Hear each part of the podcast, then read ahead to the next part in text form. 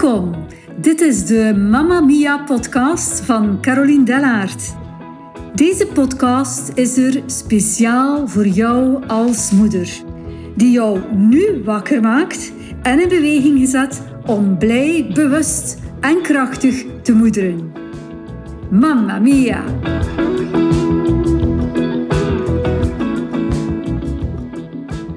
In een volgende gesprek komt Nele de Kramer aan bod.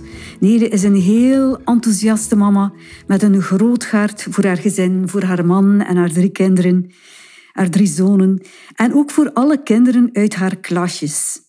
Staat vol creativiteit en speelsheid in het leven en is altijd klaar voor een sociaal engagement.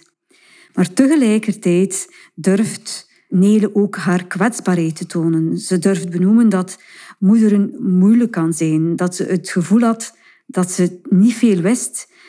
Ze durft zeggen dat zelfzorg noodzakelijk werd en dat je er alleen niet komt en hulp van anderen nodig hebt. Ik heb hier echt stille bewondering voor Nele haar zijn en je zal wel begrijpen na dit gesprek wat ik bedoel. Dit in je kwetsbaarheid gaan staan is een heel grote vrouwelijke kracht. Luister maar. Dag Nele, ik ben eh, heel blij dat je tot hier gekomen bent en dat je wil deelnemen aan de volgende podcastaflevering van uh, Mamma Mia, waarin ik een aantal mama's interview, ook om terug andere ouders en, en moeders te inspireren. We zitten hier nu vandaag gewoon als van vrouw tot vrouw en van moeder tot moeder. En ik denk het eerste dat we gemeen hebben is dat we alle twee vrouw zijn. Het tweede dat we alle twee dochter zijn van, dat we moeder zijn van.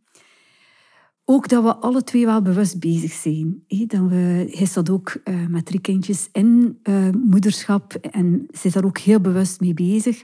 En nog een klein ding wat we gemeen hebben, dat we alle twee lid zijn van Touché als vereniging hier in Veldegem. Maar eerst ook wel dat je zelf een keer een stukje voorstelt aan de mama's die nu luisteren.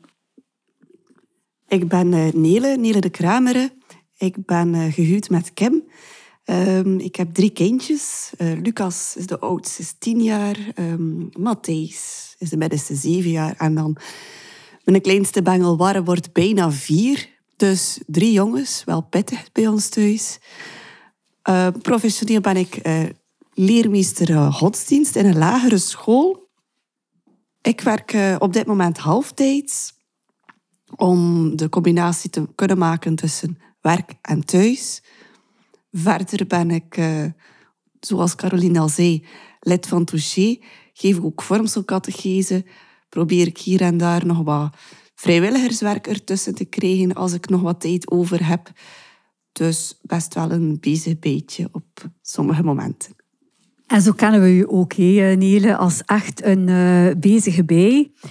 En toch wil ik ook zeggen van als mama, je, je wordt uh, moeder en eigenlijk zat dat bij jou heel veel in beweging. Um, en ik veronderstel ook bij jou, uh, het is een, uh, een zoektocht voor elk kind. En bij het ene kind is de zoektocht al wat intenser en uitdagender dan bij een ander. dat is ook zo en daar kun je ook van meespreken. Maar vooral waar ik jou vooral wil vragen, en dat vraag ik aan alle mama's, wat heeft die zoektocht als mama jou eigenlijk uh, gebracht? En wat is er zoiets dat je zegt van, dat is niet gemakkelijk geweest, maar nu sta ik daar. En dat wil ik eigenlijk wel delen met andere mama's. De grootste uitdaging is een jaar of drie geleden bij ons begonnen, toen dat, uh, onze oudste zoon Lucas het wel moeilijk begon te krijgen. En toen um, ben ik eigenlijk gaan beseffen dat ik heel weinig wist. En dat ik moest gaan luisteren naar Lucas. Want wat heeft hij op dit moment nodig? Wat heeft Matthijs op dat moment nodig? Wat heeft Warre op dat moment nodig? Dat ik echt gaan herdenken ben van... Ik weet het eigenlijk allemaal niet, maar mijn kinderen nemen mij mee om te gaan zoeken waar dat we uiteindelijk ja, samen willen terechtkomen. Bij momenten is dat heel, heel moeilijk geweest. Het is nu nog altijd niet gemakkelijk.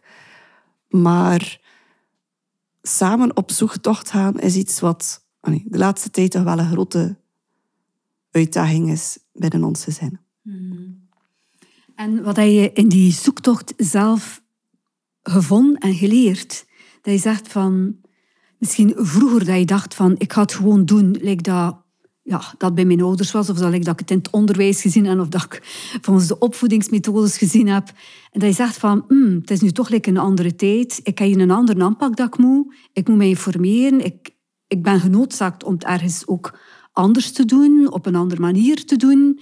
Kan je daarvoor iets, iets, iets verduidelijken? Of zodat je zegt van, dat is moeilijk geweest, maar toch ben ik blij nu dat ik dat gevonden heb. Waarschijnlijk is dat voor mij het loslaten van het aantrekken wat andere mensen allemaal zeggen en denken. Doe het zo, doe dit. Um, ik heb het thuis zo gezien, dus ik zal het zelf ook zo moeten doen. Die aanpak werkte niet binnen ons gezin. En vooral onze oudste zoon, dat werkte niet. Dus gaan kijken wat heeft hij nodig en daarin meegaan. En uiteindelijk is dat ook wel oké. Maar dat is ook werkelijk zo, hè, uh, Nele, dat jij als mama, jij, bent expert van je kind. En jij weet eigenlijk hoe dat je kind in elkaar zit. En dan zie ik dat ook soms allez, naar mezelf toe als therapeut of andere zorgverleners, dat eigenlijk gewoon maar ons taak is om ervoor te zorgen dat jij er kan blijven zijn als ankerpunt of als zorgfiguur voor jouw kinderen in jouw gezin. Ik vind dat daaraan vooral allez, de mama ook mag, en ook de papa natuurlijk, uh, mag ondersteund worden. En dat is waarschijnlijk ook zoiets dat je zegt van, ja, er komt heel veel mee mee terecht. en ik moet wel stand blijven houden. Uh, dat dat zeker, ja, dat is waarschijnlijk heel herkenbaar bij jou. Ja, absoluut. Een paar jaar geleden was dat heel erg moeilijk. Toen we met ons gezin voor een aantal heel grote uitdagingen stonden, dat het heel moeilijk was um, met Lucas. Um, die heeft trouwens ASS, ADHD. Dat is toen echt naar de oppervlakte gekomen. En toen kwam er zoveel op ons af dat ik alles eventjes moeten stoppen heb. Volledig stoppen met werken, ehm, stoppen met andere activiteiten, alle energie eventjes daar naartoe. En toen uh, dat weer wat stabieler werd, ja, kreeg ik ook mijn klopje. Toen was er zodanig veel gegeven en was er ook eventjes tijd om te nemen. En die periode heeft voor mij heel duidelijk gemaakt dat je af en toe mag zeggen van stop. Het is te veel. Nu moet ik terug opladen. Ehm, nu heb ik te veel moeten geven. Ja, en wat zijn dan die momenten dat je nu, allez, dat je toen gevonden hebt voor jezelf en dat je nu nog telkens kan gebruiken of inzetten als het een dag wat minder gaat? Constante is dat mijn eh, lieve man Kim mij laat uitslapen in het weekend. Ehm, dan kan ik nog een uur, soms twee uur uh, in mijn bed blijven liggen. Soms is dat echt slapen, soms is dat gewoon nadenken, de dag overlopen, de week overlopen. Soms is dat een beetje op Facebook scrollen, maar gewoon in mijn kamer de rust, de stilte als ik geen geluiden van beneden hoor. Maar dan weet ik, ik moet me er niks van aantrekken. Ik mag nu even voor mezelf de tijd maken. Daarnaast uh, ben ik ook ja, halftijds gaan werken zodat ik uh, overdag alle huishoudelijke taken enzovoort, de boodschappen, de was, de plas kan doen en s'avonds er volledig kan zijn voor de kinderen. Maar af en toe doe ik ook een ochtend niets. Of dan knutsel ik een beetje, of dan ga ik naar de bakker op mijn gemak te voet. En dan doe ik een extra tour rond. Ik heb een tijdje gelopen, maar dat is precies mijn ding niet. Um, maar ja, bewust een keer zeggen van het is niet erg dat ik hier nu een keer in mijn zetel zit. En niks. Ja, ik denk inderdaad dat die me-time voor een uh, mama heel belangrijk is. Uh, ik ken je ook vooral ook als de creatieveling, de madame met heel veel ideeën, maar ook wel de madame die heel veel ergens uh, bijspringt in een, in, in een ander project. Ik denk dat dat misschien ook wel iets is die jouw energie geeft. Ja, iets doen met anderen, voor anderen, geeft mij enorm veel energie. Ik heb mij daar wat moeten in aanpassen, dat ik vroeger heel veel zelf ging organiseren en dingen in elkaar steken en, en dat voorbereiden. Ehm, dat voorbereiden, dat lukt nu wel wat minder, maar er zijn altijd oplossingen waarbij dat je, zonder dat je er anders veel tijd in moet steken, op het moment dat je tijd hebt, iets kunt doen voor en met anderen. En dat geeft mij dan ontzettend veel energie terug. Je zou denken, het is weer geven en geven, maar op zo'n moment is het echt wel geven en nemen. Bijvoorbeeld de vormschoolcatechese dat ik doe, dan is dat met kinderen opnieuw bezig zijn, maar op een hele andere manier dan dat je thuis met je eigen kinderen moet bezig zijn. Ehm, dan kan je ook echt wel eens tijd maken voor die anderen. En dan komen ze met verhalen en ja, is het ook weer een, een wisselwerking. Terwijl dat opvoeden soms op dit moment met de leeftijd van mijn kinderen vooral wat geven is, ga ik dan op zoek bij andere mensen waar je echt zo dat geven en nemen kunt ontvangen. ontvangen. Ja. Ja. Dus wij moeders zijn allemaal een hele open voorkant. We gaan allemaal geven, maar geven, maar geven. Maar heel veel van, van de moeders vergeten eigenlijk dat we ook een rugkant aan.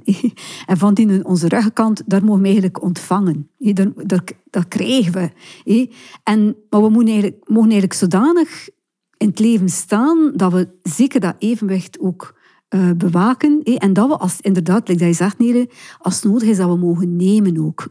Dat is ook een recht dat we eigenlijk hebben als mama. Hé. Maar waar we ons niet altijd uh, bewust van zijn of van waaruit dat ons niet uh, ook aangeleerd is. Ook is tijd maken om iemand anders te zijn dan mama alleen. Ja. Ik heb me heel lang mama en juf gevoeld en echtgenote, maar op zoek geweest naar ja, wanneer kan ik nog eens Nele zijn? En wanneer ziet iemand mij nog eens in een van die andere dan, drie rollen? Um, en dan is dat een rol, maar soms kan je ook eens de nood hebben om gewoon jezelf te zijn. En dan de creatieve te zijn, de zotte te zijn, de, het luisterend oor te zijn. Je neemt ook wel deel aan een groepje vriendinnen die regelmatig ja. samenkomt. Daar rij je ook heel veel aan. Ik denk dat dat ook iets is dat belangrijk blijft. Dat je kan, inderdaad, dat je kan zot doen, dat je kan je gedacht zeggen, dat je er een ei kwijt kan.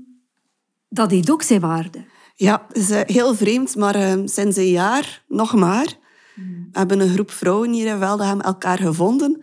Um, de groep blijft uitbreiden en iedereen is ook welkom natuurlijk. Maar dat geeft ons zoveel energie van niet te moeten, maar alles kan is het om een keer zot te doen en onnozel te doen, dat kan. En komt er dan een serieuzer momentje die avond, dat kan ook. Mm. Maar we merken dat we allemaal ja, ons eigen pad moeten doorworstelen. En dat we allemaal onze rugzak hebben. En het doet wel deugd om dan een keer allemaal samen te kunnen zeggen van... We zetten die rugzak nu een keer af. Mm. En we zien wel wat er gebeurt. We doen een keer zot, we doen een keer serieus. Um, en we zijn er ook wel voor elkaar. Dat is ook belangrijk dat je mensen hebt die er kunnen zijn voor elkaar en dat je het ook kan zeggen aan elkaar van nu gaat het even niet. Deze week zijn we nog samengekomen, een vriendin van ons had het moeilijk. En we waren allemaal zo trots dat ze had kunnen zeggen van ja, meiden, het gaat niet. We hebben collectief gezegd, we komen samen. We hebben daarom niet heel de avond gepraat over waarom dat niet gaat. Maar gewoon er weer eventjes voor elkaar zijn en weten dat je kunt zeggen ik heb iemand anders nodig en dat er iemand is, is een ontzettend waardevol ding. Dat klopt, Nele. En ik voel dat zo ook als, terwijl je dat vertaalt, zoals die... Dat zijn eigenlijk de moderne vrouwencirkels die je nu ziet. Die je ziet uh, opbloeien, dat je ziet wakker worden. Want zelf begeleid ik ook vrouwencirkels hier vanuit mijn praktijk. En dat is dan rond Nieuwe Maan. Een Nieuwe Maan waarin dat, dat krachtig is om intenties te plaatsen. Dat is dan meer met een, doel dat je samenkomt, maar ook een vast moment van verbinden. Uh, waarin dat ook alles bespreekbaar is.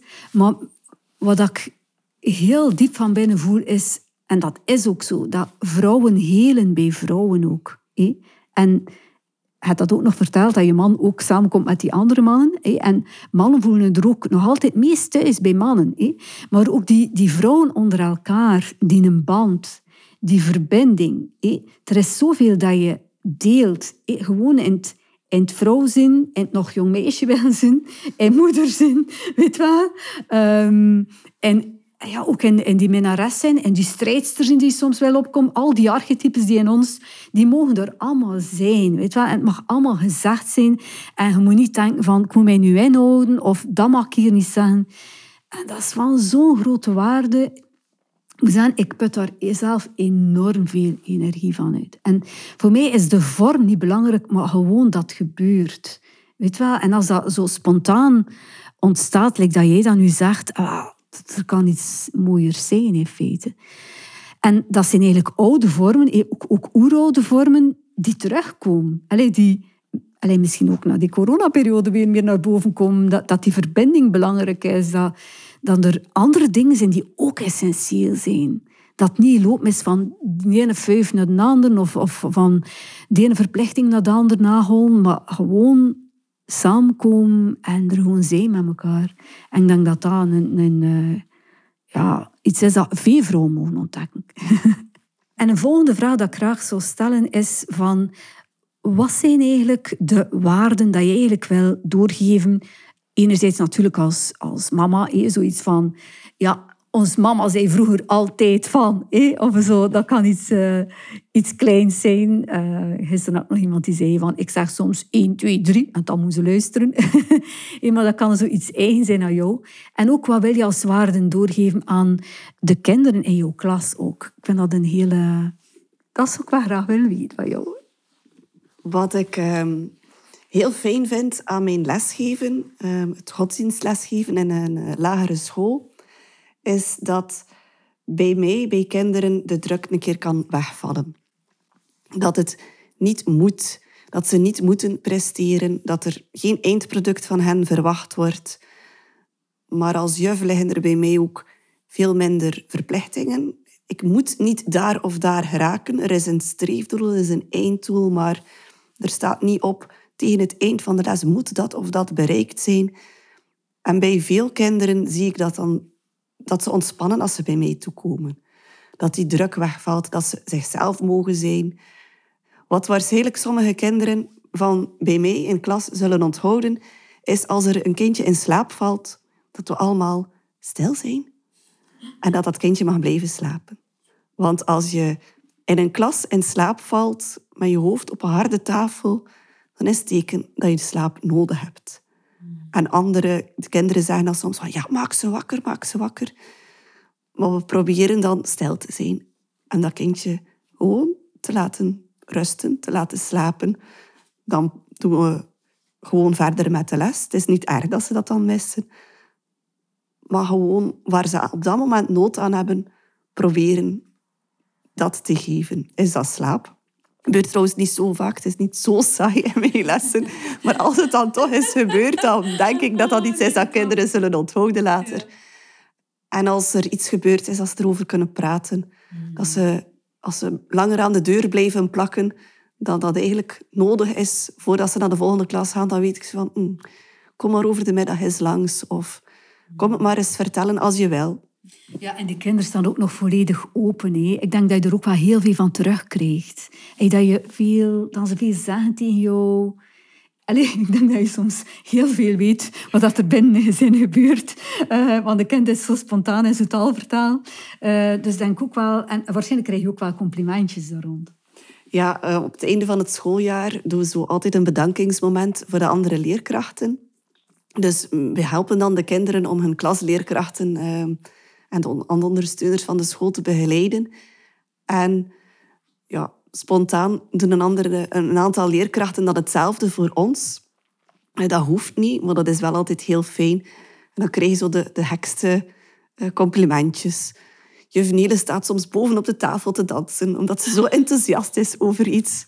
Als ik een bepaald verhaal vertel, eh, dan vertel ik hoe dat eh, de leerlingen aan tafel lagen. En dan ga ik altijd bovenop een tafel gaan liggen. Want als ik het op de grond doe, dan zien ze dat niet. Dus zo echt dat, dat zotte, dat zie je dan nog een keer terugkomen op het einde van het schooljaar. En dan denk je van, ja, eigenlijk is het wel leuk dat ik bij hen echt mezelf kan zijn. En dat ze dat ook onthouden. Mm. En dan hoop ik dat ze dat ook terugnemen. Van, ja, juf Neel is hier volledig zichzelf. Ik mag dat ook zijn. Mm. En als ik dat dan doortrek naar mij thuis, dan... Uh, ik ben niet zo goed in liedjes onthouden enzovoort. Maar er is de laatste tijd een, een, een liedje waarin dat er gezongen wordt uh, van een, een zoon aan zijn mama. Wees niet bang, je mag fouten maken. Ik neem je mee en ik zal er altijd zijn. Um, dat is iets... Ik vind dat zo'n prachtige tekst. Het geeft mij altijd kippenvel. Ik zing het dan ook altijd mee, zodat ze het goed horen dat hun mama dat ook zegt. Maar wees niet bang, wees jezelf. Je bent perfect zoals dat je bent. Um, trek je niet aan van wat een ander zegt, want ja, ze zijn alle drie um, unieke, prachtige jongens waar ik apetrots op ben. Hoewel dat soms ook moeilijk gaat. En dan weten ze dat zelf ook wel, want dan zeggen ze... Mama, je bent boos geweest, maar je ziet ons nog altijd graag. Ja, ja, ja, ja, ja. ja. En dat denk ik dat heel belangrijk is, dat je... Je mag ook zeggen van... Ga, ik heb nu een keer geroepen, of, of kan ik hier boos zijn? Maar dat je tegelijkertijd blijft zeggen van, maar ik zie je graag. Hè. Dat, je weet wel, uh, ik denk dat dat een, een heel belangrijke is. Maar wat ik ook heel mooi vind aan jou, Nele, is dat je ergens ook die verbinding houdt met je eigen innerlijk kind.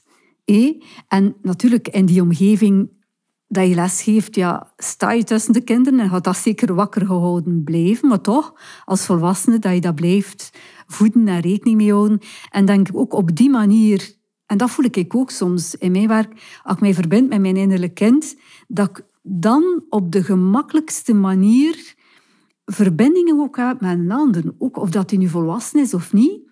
En ik had dat zelf al zo verschillende keren gehad. Als ik een cursus volg, en ik volg dat voor volwassenen, dat ik hem dan nog een keer volg, ook voor kinderen. En de keer dat ik dan die opleiding gevolgd heb voor kinderen, dan mag echt de koning voor mij zitten.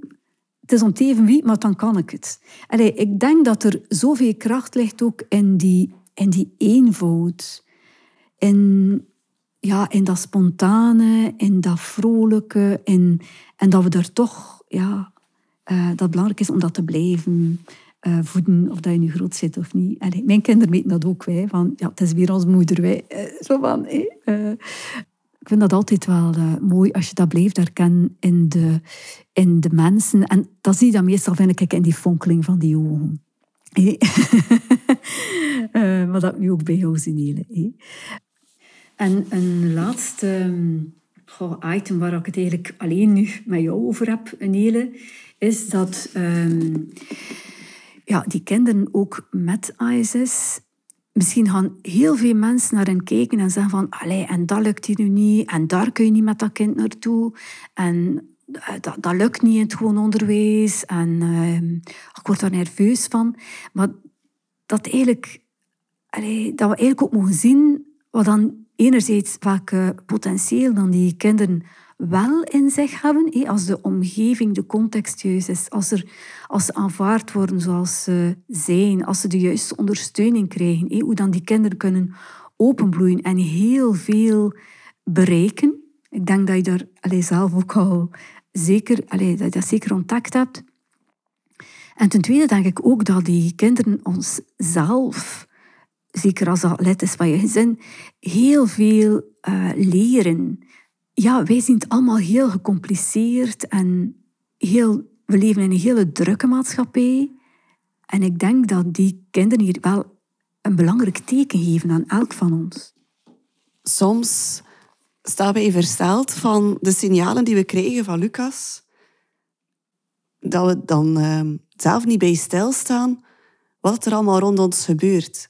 En doordat Lucas aan, aan, ons die signalen geeft, zien wij dat van, ah ja, nu zijn we inderdaad eigenlijk holder de bolder, hals over kop, ergens naartoe aan het vertrekken, zonder dat we er zelf goed over nagedacht hebben. En als we dan zien van, ja, Lucas vindt zijn draai niet, is overprikkeld, dat we dan denken, ja, stop, pauze. Eerst even zeggen van, ja, dat willen we gaan doen. Daar gaan we naartoe. En als we dan zelf die rust vinden, die prikkels wegnemen, gaat alles van veel vlotter. Ook voor de andere kinderen van ons zijn, ook voor onszelf. Dat we ook vaak heel veel dingen willen doen. En naar daar, en naar daar, en naar daar.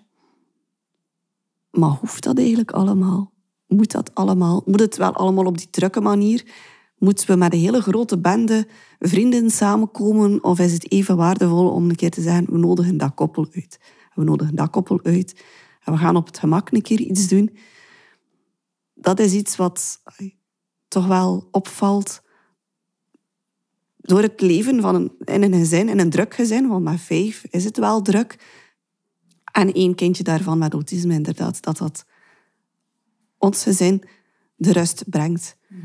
Die voor hem te goede komt, maar dat we merken dat is voor ons eigenlijk zelf ook wel niet slecht.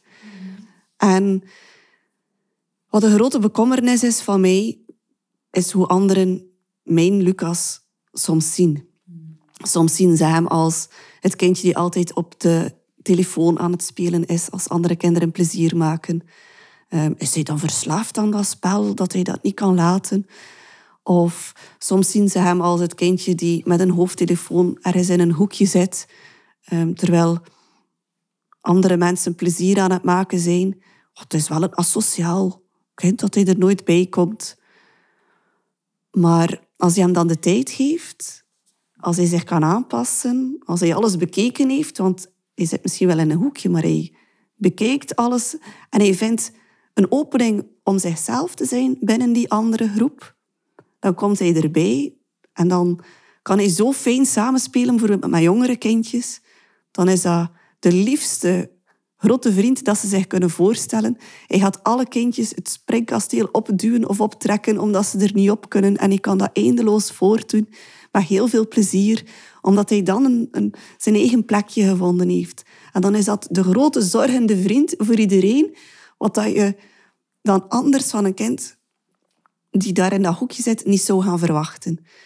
Maar hij heeft tijd nodig en hij heeft begrip nodig en hij heeft mensen nodig die ook een keer durven hun eigen bril afzetten en een keer zeggen van vertel jij mij nu maar een keer wat dat jij wil en hoe jij het ziet. En dan kan hij zich ontplooien, kan hij fantastische dingen doen. Dan kan hij dingen gaan uitleggen over de natuur, waarvan ik zelf niet weet waar dat hij het allemaal vandaan haalt. Ja, dan ben ik op trots. Ja, maar zelf zie ik ook allee, heel veel potentieel in Lucas. Ik ook gewoon dat je vertaalde laatst van... Je is naar een uh, Minecraft-kamp geweest en je is daar al twee- en driedimensioneel aan het bouwen. En allee, er zijn ook werelden die zij kennen, die wij helemaal niet kennen. Hè. En dan denk ik ook dat er werelden zijn van energie, waar ze ook heel gevoelig aan zijn en die hen ook enorm kunnen voeden. Ik, dat je zegt, de wereld van de natuur, van, van de dieren. Als ik ook zie hoe dat hij hier omging met, met Dolly en met, met uh, dat hij de, aanwezigheid van die pony voelde en die ezels. Dat is, ja, daar mogen wij ook, voor dat naturelle, mogen wij ook veel meer terug gaan openstaan. Dus ik zou zeggen, Nele, ik wens je alle succes. En ik wens je echt toe dat je een keer dat Lucas ouder is, dat je zegt van oké, kijk, we zijn echt wel, we hebben dat pad gekozen van bewustzijn, dat pad van echt luisteren naar wie dat Lucas is en hem geven wat hij nodig heeft, hem ondersteunen. En coachen als ouder, wat dat denk ik veel en meer en meer ouders in de toekomst mogen gaan doen. En dat je gaat zeggen van oké, het was een aparte weg, maar het was een goede weg en het was de juiste weg. En hij, heeft, hij zit op zijn goede plek nu. En ik wens dat echt toe dat je er... Ehm, dat je naar dat punt mag uh, gaandeweg toeleven. Uh, en dat wens ik voor jou en voor je gezin en vooral voor Lucas natuurlijk. Uh, dus dank u wel, uh, Nele, omdat je hier geweest bent met een hele eerlijke en open houding. Dank u wel voor de getuigenis. Ook wel dank u wel voor de inspiratie dat je aan andere mama's gegeven hebt in dat gesprek. En uh, ik zou zeggen, tot de volgende keer. Met veel plezier, Caroline. Mag ik nog één iets toevoegen? Ik ben ook heel fier op mijn andere twee jongens. ik heb nu zo eventjes een schuldgevoel van ik heb heel de tijd um, over Lucas gepraat, omdat hij ook wel een grote impact heeft op ons gezin. Maar ook die andere twee broers zijn echt wel sterke kerels. Want opgroeien met zo'n speciale broer, brus zijn van zo'n speciale broer, is voor hen een uitdaging. En is absoluut niet altijd gemakkelijk. Maar ze doen het zo goed. En anderzijds heeft het ook zo'n positief effect op hen, dat ze zien van, ja, maar niet voor iedereen gaat dat hier zo vlotjes. En niet iedereen maakt zo vlot vrienden enzovoort. En ze nemen dan uh, hun grote broer mee om de dingen wat van hen vanzelf gaat, om hem dat te tonen en hem dat te leren. Dus uh, ook nog eens mijn fierheid overwarren en wat.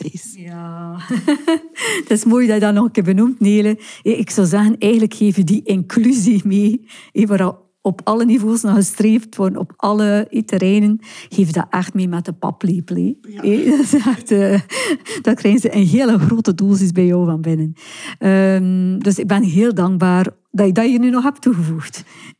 En ik hoop dat heel veel mama's, dat dat ook voor hen iets mag betekenen. Zo pas werd in de dialoog met Nele het thema autisme aangeraakt. En in mijn praktijk kom ik heel regelmatig in aanraking met autisme. Dat is het zijn met kinderen of volwassenen die reeds uh, gediagnosticeerd zijn zelf met autisme.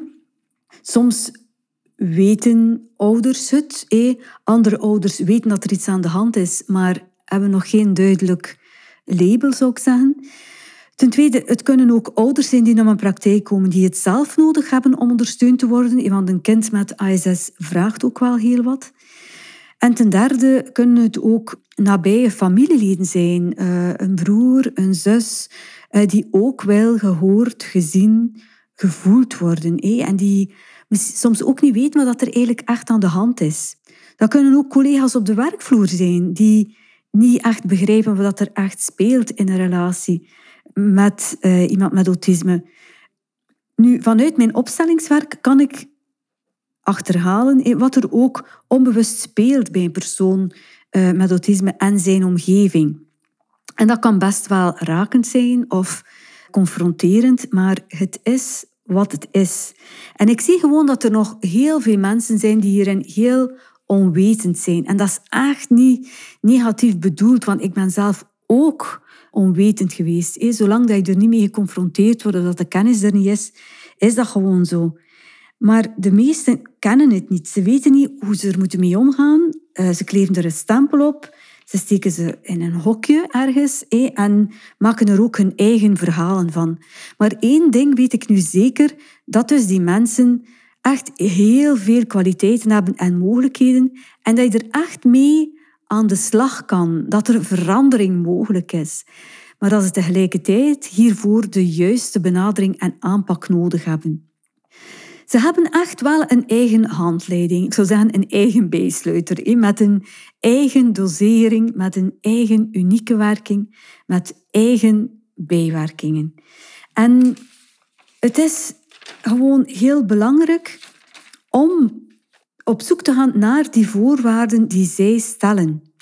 Zodanig dat er veiligheid is voor hen. En dat is al gewoon in het contact nemen van hoe dicht dat je komt, dat je al dan niet aanraakt, op de manier waarop dat je kijkt. Dat zijn al kleine dingen en die grenzen die kunnen anders zijn dan iemand zonder autisme. Het is en blijft belangrijk om hen structuren aan te bieden, zodat er meer uh, voorspelbaarheid is. Het is belangrijk om je goed te kunnen inleven van hoe zou die nu naar de buitenwereld kijken. Um, maar dat je zelf ook zoekt naar bepaalde zaken van, om contact te leggen. Wat zijn hun interesses? Maar je hebt je gewoon aan te passen door bepaalde dingen meer te doen of minder te doen. Naar gelang de persoon. Ik zou zeker al zeggen van uh, meer structuur aan te bieden, uh, meer flexibel te zijn. Er is minder verwachtingen, minder prikkels, minder impulsief te zijn. Het is hiernaast ook heel belangrijk dat je je eigen gevoelens zal aangeven als er iets voor jou niet, niet klopt of niet kan, want zij zullen het niet aanvoelen. Nu, deze groep van autistisch en autistiforme gedrag, dat bedraagt nu ongeveer 20% van de bevolking. Dus dat is echt wel heel veel. Dus deze grote groep die vraagt echt om begrip. En zoals Daniel ook vraagt van stop met oordelen over die kinderen of over mijn kind. Want dat, zijn grote zielen, heel puur, heel integer, met zoveel kwaliteiten. Maar die tegelijkertijd de juiste benadering en aanpak nodig hebben. Nu, omdat die aanpak en die benadering zo belangrijk is, voor die mensen, ook omdat de coaching anders is dan voor mensen zonder ASS, ben ik nu een bijkomende opleiding gestart ook in autismecoaching. Want er zijn zoveel mensen die het nodig hebben. En hierin wil ik echt wel mijn steentje bijdragen aan een wereld waarin dat elk zichzelf mag zijn en iedereen er echt bij hoort. Want elk van ons vraagt begrip, acceptatie en liefde. Wat ik ook opmerk door te werken met mensen met autisme en die omgeving, dan zie ik dat mensen met autisme in hun buurt, in hun omgeving, iets in beweging zetten. Dat je eigenlijk zelf iets te ontwikkelen hebt. Ten eerste wordt er van jou gevraagd van gewoon tot rust te komen. Dat hoor je ook in het verhaal van Nele. Ze vragen van jou dat je hen in een rust benadert, met een, ook met een open lichaamshouding. Ten tweede, ze willen dat je je afstemt op hen, in contact, helemaal vanuit wie dat je bent. En dat gebeurt woordeloos vanuit vertrouwen. Dus ze wordt eigenlijk een stukje uitgenodigd om meer te gaan naar jouw zijnskracht en dit verder te ontwikkelen. Ze vragen echt wel van jou echtheid en authenticiteit. En Nede benoemt dat zo mooi onder de vorm van het is als je moet echt, echt luisteren naar wat er echt voor Lucas nodig is. Dus dat, dat is die afstemming in dat contact vanuit wie dat je zelf bent. Ten derde, ze vragen ook dat je echt aanwezig bent in het hier en nu. Dus laat die verhalen uit het verleden maar varen. En laat die uh, naar de toekomst en die verwachtingen maar los. Want als je te veel verwachtingen hebt, dan voelen ze dat gewoon. En dan kunnen ze blokkeren. En ten vierde vind ik ook dat je gewoon bij hen mag zitten, dan ik zelf als therapeut, gewoon met een leeg hoofd. En daarmee wil ik dan zeggen, vrij van oordelen, van meningen, van interpretaties. Gewoon vanuit een uh, open, uh, geïnteresseerde houding en nieuwsgierig naar wat er zich uh, aandient en wat er is. Kortom, ze vragen van jou dat je echt bent, dat je open bent. En ze hebben heel gevoelige tentakeltjes om te voelen of dat, dat ook zo is. Het is dus best wel een uitdaging. Nu, ik hoop dat ik met deze bijkomende uitleg je ook ergens, iets, ergens meer duidelijkheid gegeven uh, heb. En dat het ook ergens mag ervoor zorgen dat je een andere kijk hebt naar mensen, uh, volwassenen en kinderen met autisme, want ze zijn echt wel de moeite waard. Dus ik zou zeggen, dank u wel voor het luisteren en tot een volgende. Dank je wel dat je luisterde naar deze podcast. Ik vind het altijd leuk als je een review of een berichtje nalaat wat je van deze podcast vond of wat je eruit meeneemt. Zelf kan je ook abonneren op mijn podcast. Maar misschien denk je nu op dit moment ook wel aan een andere moeder.